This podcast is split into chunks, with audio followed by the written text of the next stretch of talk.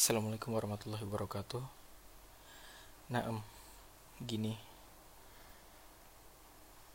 Eh, hari ini eh, mungkin ya tadi itu ya sempet eh, agak berasa nyesek juga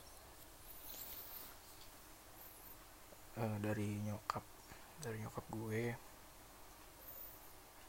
yang mengatakan bahwa apa sih pengajiannya gitu kan? Ya, jadi intinya gue mau cerita.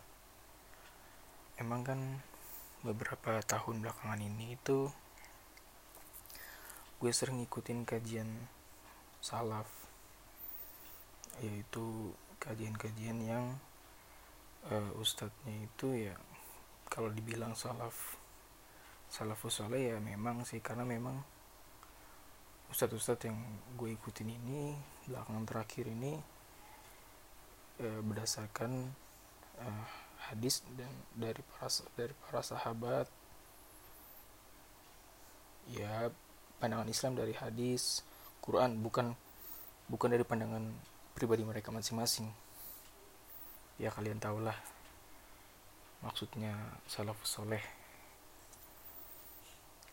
Dan sekarang pun gue memang udah pilah-pilah ya kalau ikut kajian dan menerima materi jadi bukan.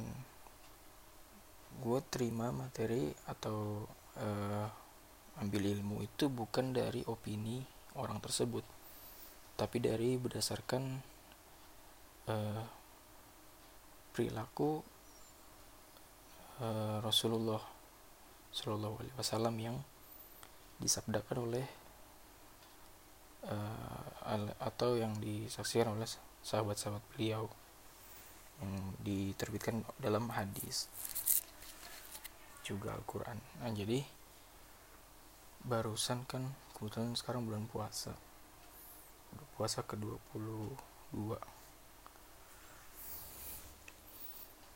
memang sih nggak sekali dua kali gue uh, dapat teguran kayak gini gitu. Bukan teguran juga sih cuman celotehan lah dari nyokap gue. Uh, yang berpendapat bahwa pengajian gue tuh salah atau sesat. Padahal yang gue ikutin itu ya perilaku salafus soleh jadi uh, contohnya gini.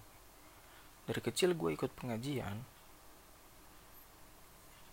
kalian tau lah uh, kalau kalian yang ikut kayak pengajian di TPA guru-guru ngaji biasa gitu bukan dari pesantren bahkan bukan lulusan dari uh, Mesir atau mana gitu pasti mereka mengajarkan doa mau makan itu yang yang kalian tahu adalah Allahumma barik lana fi ma razaqtana wa qina azabannar. Padahal itu hadisnya lemah. Yang kuat itu hadisnya ya bismillah. Bismillahirrahmanirrahim. Makan bismillahirrahmanirrahim.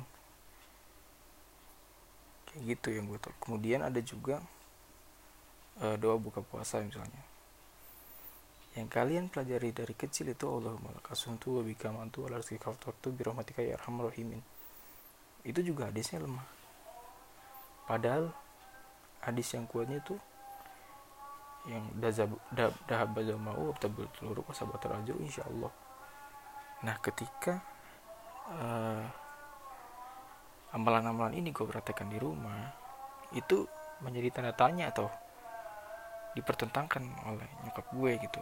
Dan ya hal ini pun bikin gue ya jadinya agak gimana gitu walaupun ya gue nggak terlalu mengindahkan. Bahkan nggak sekali dua kali pun gue bilang bahwa yang benar itu yang ini gitu. Karena ini udah yang ini hadisnya lebih kuat yang ini hadisnya lemah. Jadi tadi sama bokap kan nyokap puasa ya memang bokap gue tuh kadang orangnya ya aku udah tua dia kan nyokap tuh selalu bilang nih yang makan dulu nih buah. Kayak yang gak dimasak api gitu. itu kan dari logika dari pendapat karena memang ya memang ada sudahnya kur, makan kurma misalnya. Kurma dulu tanpa di ya kalau namanya orang minum pengen minum air bukan terus gue bilang ya nggak apa-apa mah kalau mau air juga gitu kan. Karena yang gue tahu ya sunnah Nabi itu ya memang buka dengan kurma dengan ada tiga malah. Kurma basah kurma kering sama air putih. Jadi ya tiga ini kalau mau batalin pas puasa ya boleh aja yang gua nggak mau itu ketika punya pendirian berdasarkan opini dan gue tuh berasa dia benar akhirnya malah menjadi adu, adu argumen dan malah menimbulkan konflik itu yang gue nggak suka. Ya gue sebagai anak ya cuma diem aja sebenarnya sih nggak nggak berhak dan nggak berani melawan juga ya cuma itu yang gue rasain sekarang. Jadi ketika gue mau mempraktikkan amalan-amalan salafus soleh ya mendapatkan respon itu dari orang-orang terdekat gue ya kayak gini gitu. Ya sebenarnya sih emang ini wajar. Cuma ya kalau kalau gue dia benar ngasih tahu ya salah juga mana yang baik mana yang benar gitu kan ya doain aja semoga gue istiqomah. Itu aja sih yang mau gue omongin.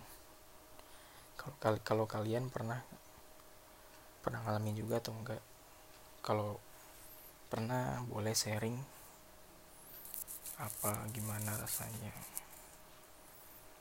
Ya intinya sih nggak dendam ya. Ya udah segitu dulu. Bye. Assalamualaikum warahmatullahi wabarakatuh